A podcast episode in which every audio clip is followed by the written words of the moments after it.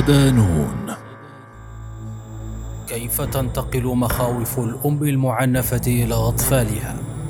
مقال لمنى حجازي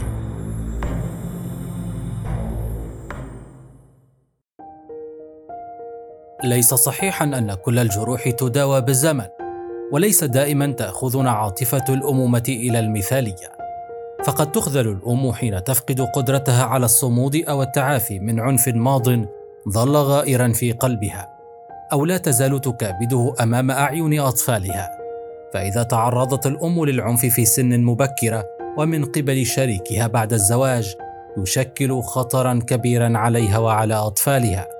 فهم المستقبل الوحيد أمامها وهنا تكمن الخطورة.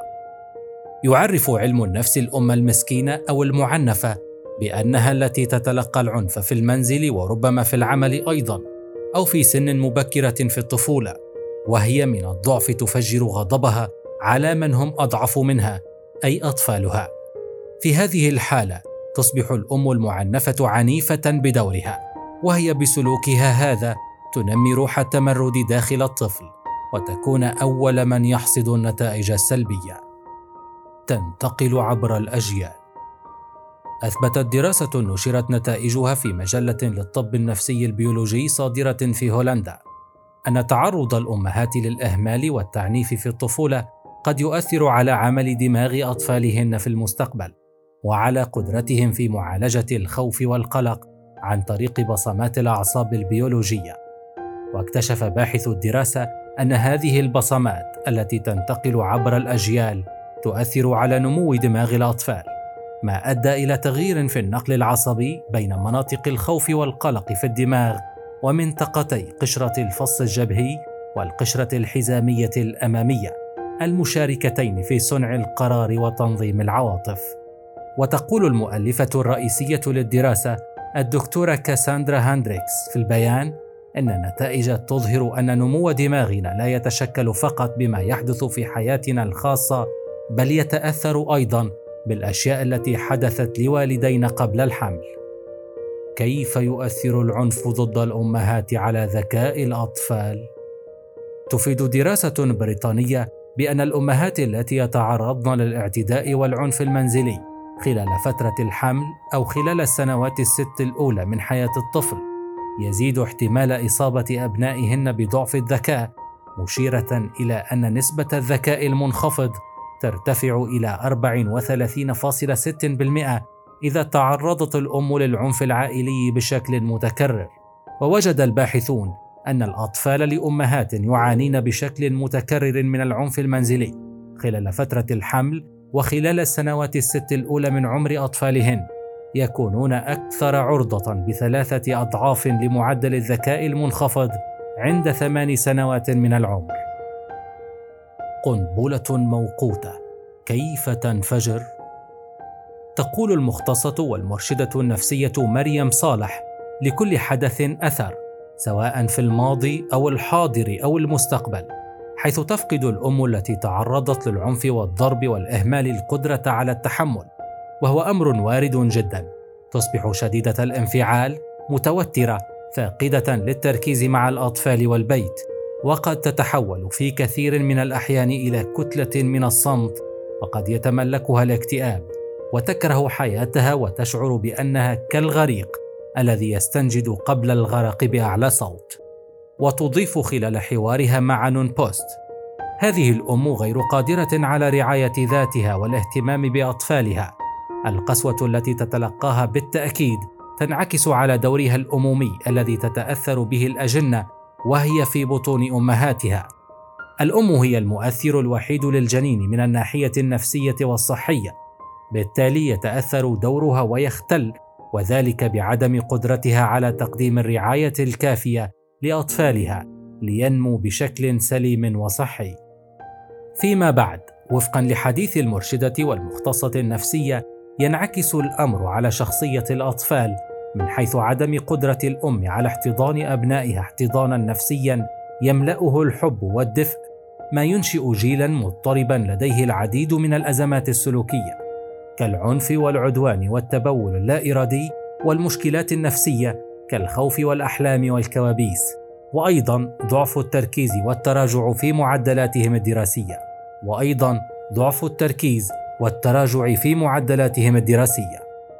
يصبح هذا الجيل جيلا مفككا على الصعيدين الاجتماعي والنفسي فاقدا للأمان يشعر بالتهديد والخطر في أي لحظة وعلى المدى البعيد يلجأ إلى أساليب تكيف خاطئة كالإدمان والهروب من المدرسة والسلوك الجانح. العنف لا يولد إلا العنف. في السياق ذاته يبين الدكتور رياض البرعي أخصائي الأمراض النفسية والعصبية أن عدم تمتع الأم بعلاقة آمنة ينعكس أيضا على الأطفال ومن ذلك التشتت وقلة التركيز وأيضا ممارسة العنف ذاته خارج المنزل في المدرسة والمجتمع وبالصورة النمطية نفسها. ويردف بالقول عندما يشاهد الأطفال العنف الواقع على الأم سواء بطريقة مباشرة أو غير مباشرة يتعرضون بكلتا الحالتين لاضطرابات عاطفية ترافقهم طوال سنوات حياتهم وتؤثر على نموهم العاطفي والعقلي على المدى البعيد. ويتابع الاستيقاظ على صوت صراخ أو استغاثة ورؤية الكدمات الزرقاء أو الدم أو الزجاج المهشم مثلا. هذه المظاهر وحدها كافية للتأثير على رؤية الطفل للعالم وعلى نموه بعيد المدى. فيما يؤكد أن العلاقة ثنائية الاتجاه. فالعنف لا يولد إلا العنف وليست الأم وحدها الضحية. الأطفال كذلك يكونون في مرمى للتصرفات الخاطئة وانعكاسا لهذا العنف قد تعود الأم لتمارسه على أطفالها كحلقة مفرغة تدور في المنزل نفسه وتخرج تدريجيا إلى المجتمع عن طريق الأبناء. وبذلك تكون النتائج كارثية. وبالتالي يجد الأطفال الذين تعرضوا للعنف من الأم أو رأوه يمارس على الأم صعوبة في التحكم بغضبهم ومخاوفهم ويفقدون أعصابهم بسهولة ويتحولون إلى أشخاص عنيفين من دون إدراك واع للفعل. سبل الحماية. يجمع المختصان في تقريرنا حول سبل الحماية على أنه في حال كان العنف موجها من قبل الأم أو الأب لا بد أن يقوم الطرف الآخر لا بد أن يقوم الطرف الآخر باتخاذ الإجراء المناسب لعلاج ووقف العنف وعدم السماح له الاستمرار بذلك السلوك تجاه الطفل بحجة أنه والده أو والدته لأن العنف لا يبرر ابدا.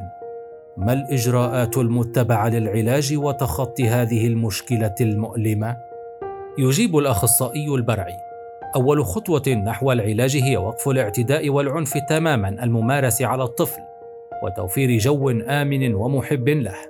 وعرض الطفل المعنف على معالج نفسي وكذلك الأمر بالنسبة إلى أحد الوالدين الذي قام بعملية التعنيف لأن كليهما بحاجة إلى العلاج والمتابعة المستمرة للطفل سواء كان ذلك من قبل الاختصاصي أو أفراد الأسرة.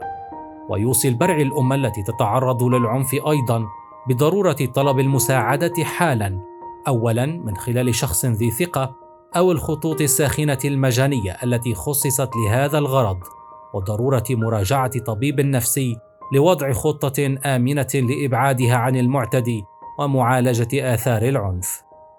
اتحدوا قولوا لا. يصادف الخامس والعشرين من نوفمبر تشرين الثاني ما يعرف باليوم الدولي للقضاء على العنف ضد المرأة وقد اختير هذا اليوم لإطلاق 16 يوما من النضال. تختتم في العاشر من ديسمبر كانون الأول في اليوم العالمي لحقوق الإنسان وشعاره العالم برتقالي جيل المساواة يقف ضد الاغتصاب. واختارت هيئة الأمم المتحدة للمرأة يوم الخامس والعشرين من كل شهر كيوم برتقالي لحملتها. اتحدوا قولوا لا التي أطلقت عام 2009 لتعبئة المجتمع المدني والناشطين والحكومات ومنظومة الأمم المتحدة من أجل تقوية تأثير حملة الأمين العام للأمم المتحدة لإنهاء العنف ضد المرأة. ويعتبر العنف ضد المرأة مثل السرطان سببا جوهريا للوفاة والعجز للنساء في سن الإنجاب وسببا أخطر يؤدي إلى العلة مقارنة مع حوادث السير والملاريا معا بحسب موقع الأمم المتحدة. وصنفت منظمة الصحة العالمية العنف ضد النساء كمشكلة صحة عامة دولية بحجم وباء حيث تعرضت واحدة من كل ثلاث نساء في العالم للعنف. وقد تعرض نحو 736 مليون امرأة لعنف جسدي أو جنسي خلال حياتهن. بحسب تحليل حديث أجرته منظمة الصحة العالمية.